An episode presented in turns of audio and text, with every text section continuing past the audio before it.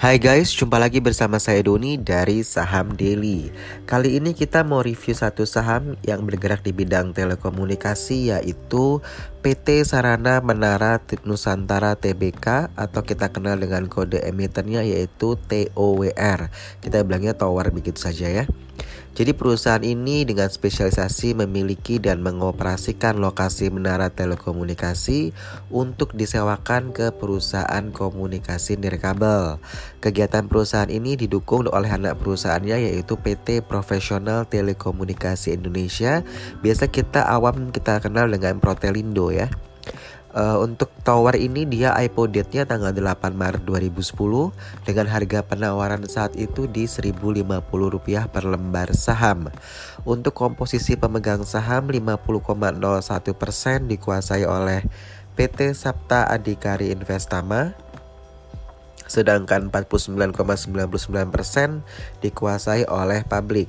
Kalau kita uh, amati volume pergerakan investor asing sejak Juli 2018 hingga Juni 2019 bisa kita lihat bahwa selama Juli 2018 hingga Mei 2019 investor asing ini melakukan penjualan saham tower puncak-puncak penjualannya itu terbesar di bulan Januari 2019 yang lalu ya.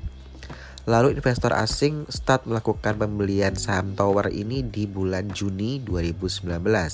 Kalau kita lihat kinerja 2018, jadi kita compare dengan kinerja 2017. Sebentar kita buka data ya, oke. Untuk revenue-nya dia naik 10% ya Dari 5,3 triliun ke 5,8 triliun Lalu untuk net profit dia naik 5% dari 2,1 triliun ke 2,2 triliun. Untuk net profit margin dia turun ya dari 39,3% ke 37,5%. EPS-nya dari 41 ke 43, PER-nya dari 97,2 ke 18,2.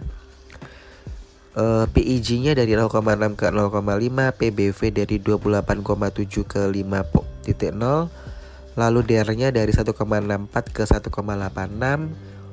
Untuk ROE-nya sendiri dari 30% ke 27%. Masih bagus ya karena masih di atas rata-rata ya.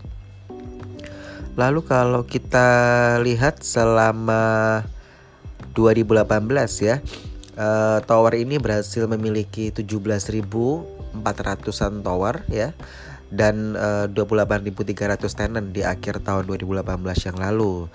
Lalu tower ini juga membangun sekitar 9.400 km jaringan fiber optik. Jadi sekitar 5.000 km itu merupakan jaringan backbone, sisanya 4.400 km untuk fiberisasi tower. Di awal 2019 ini tower sudah memiliki order sewa jangka panjang fiber optik sekitar 13.600 km yang seluruhnya ini merupakan fiberisasi tower ya.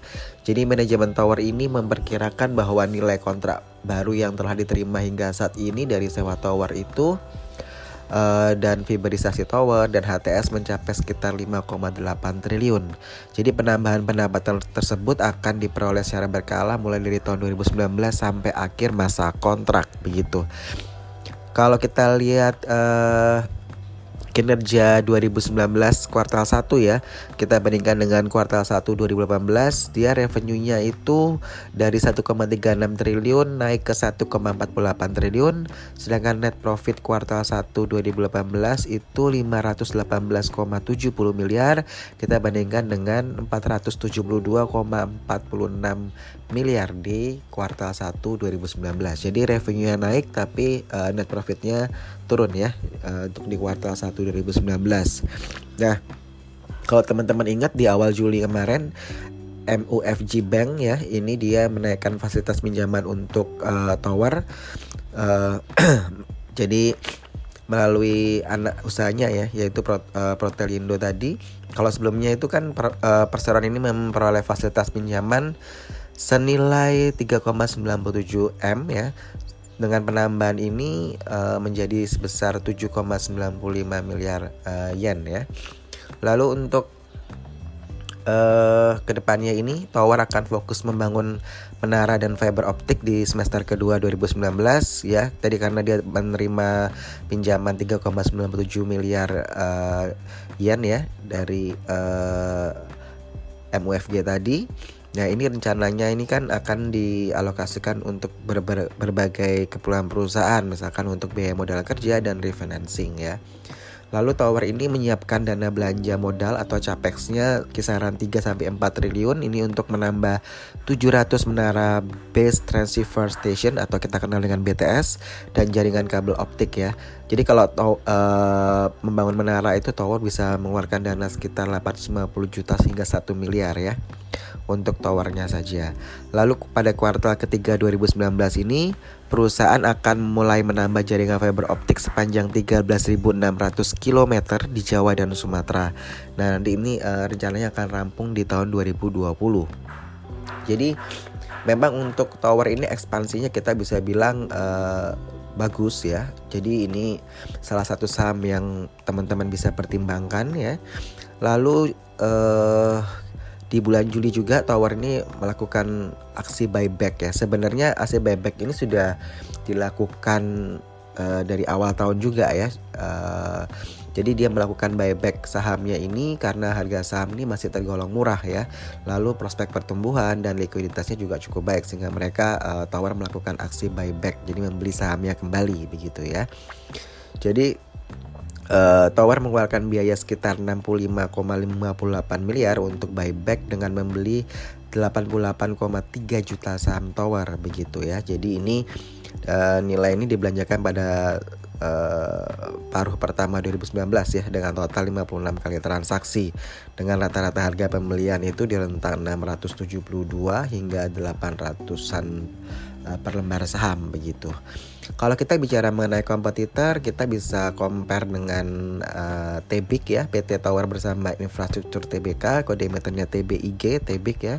Lalu dengan PT Sentra Tamat Telekomunikasi Indonesia TBK, kode meternya CENT, kita kenal dengan SEN ya. Lalu dengan PT Bali Towerindo Sentra TBK kode emitennya BALI Bali begitu ya. Jadi teman-teman nanti bisa lakukan uh, analisa fundamental lebih dalam lagi mengenai saham ini. Jadi saham tower ini memang kalau dibilang untuk prospek ke depan ya karena memang dia uh, ekspansi cukup baik membangun BTS lalu fiber optik seperti itu. Jadi uh, kalau dia punya pelanggan-pelanggan ini entar Anda bisa lihat aja ya di sisi piutangnya dia siapa saja perusahaan-perusahaan uh, yang menjadi pelanggan dari uh, tower ini. Begitu, saya Doni dari Saham Daily out.